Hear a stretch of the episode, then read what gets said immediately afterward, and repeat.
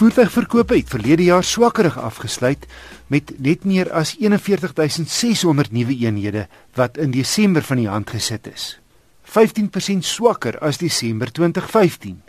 Verlede jaar se totale verkope van net meer as 547000 eenhede was 11.5% swakker as 2015 se. Toyota was vir die 37ste agtereenvolgende jaar die topverkoper. 'n Ligpunt is ons uitvoere.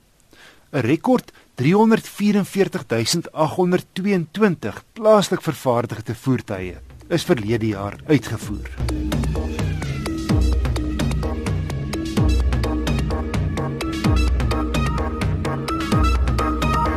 Aan die bokant van BMW se nuwe 7 reeks kry jy die 750 iL.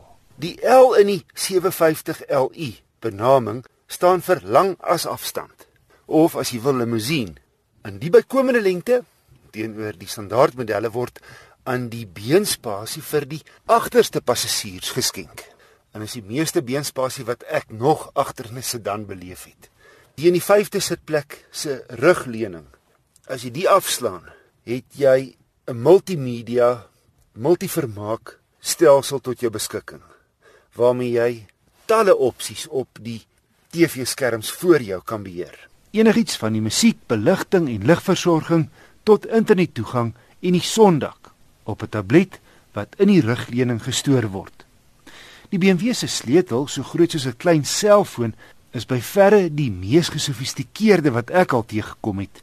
Dis 'n klein rekenaar waarmee jy spulfunksies kan uitvoer, selfs al is jy nie naby jou voertuig nie. Byvoorbeeld sit jy in 'n vergadering en wonder hoe ver jou 750 nog met die petrol in sy tank kan ry, raadpleeg jou sleutel. Wil jy jou klimaat stel 5 minute voordat jy in jou kar klim, doen dit op die sleutel. My jongste het gou agtergekom dis 'n ultra luxe wa en toe ek die deur ooplaat en die kar aanskakel, vra ewe, het pa gedink die deur gaan van self toe. Hy was heel ernstig. En nie heeltemal verkeerd nie want maak jy die deur gedeeltelik toe dat hy net so aan die bakwerk raak, druk hy van self toe.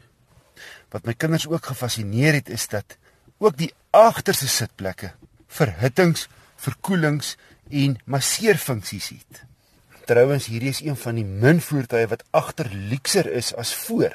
Jy het byvoorbeeld blindings wat elektries die heel agterste en die twee syvensters agter bedek. Vir meer privaatheid sou jy 'n sjofeur hê terwyl jy agter werk, rus of televisie kyk. Sou dit die geval wees, kan jy die voorste passasierssitplek heeltemal platvou sodat jy agter op die uiters gemaklike sitplek lekker jou bene kan uitstrek.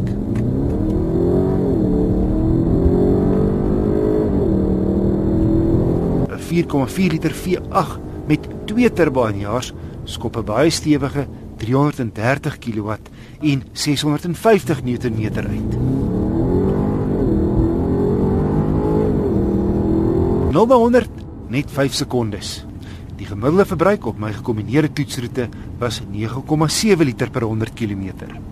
Ligvering gee hom 'n baie gerieflike rit en hy so stil op die pad, geblinddoek sou ek raai ek ry in 'n Rolls.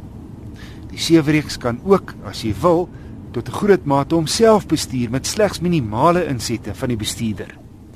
Ondanks al die elektroniese hulpmiddels moet mens in knap spasies kop hou in die stad, want die limousines so lank soos 'n volgrootte dubbeltjie uitpakkie sonder die voordeel van hoogsit.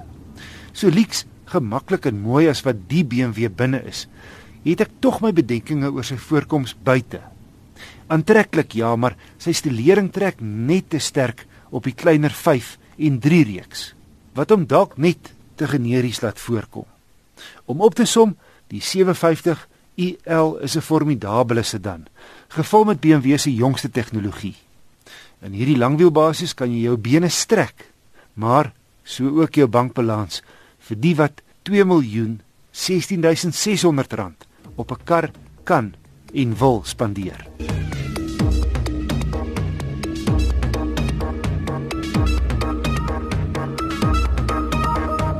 Hier is my wenk van die week. Te veel Suid-Afrikaners vat kansse deur oor rooi ligte te ry. So, kyk links en regs wanneer die lig vir jou groen slaan by 'n verkeerslig. Jy weet nooit wanneer 'n kansvatter gou nog teen die rooi lig probeer oorjag nie met potensieel skrikwekkende gevolge. Volgende week 'n padtoets van 'n Opel Astra. En ek gee weer aandag aan luisteraars se briewe. Enige motornavraag kan aan my gerig word deur te e-pos na wissel@rsg.co.za.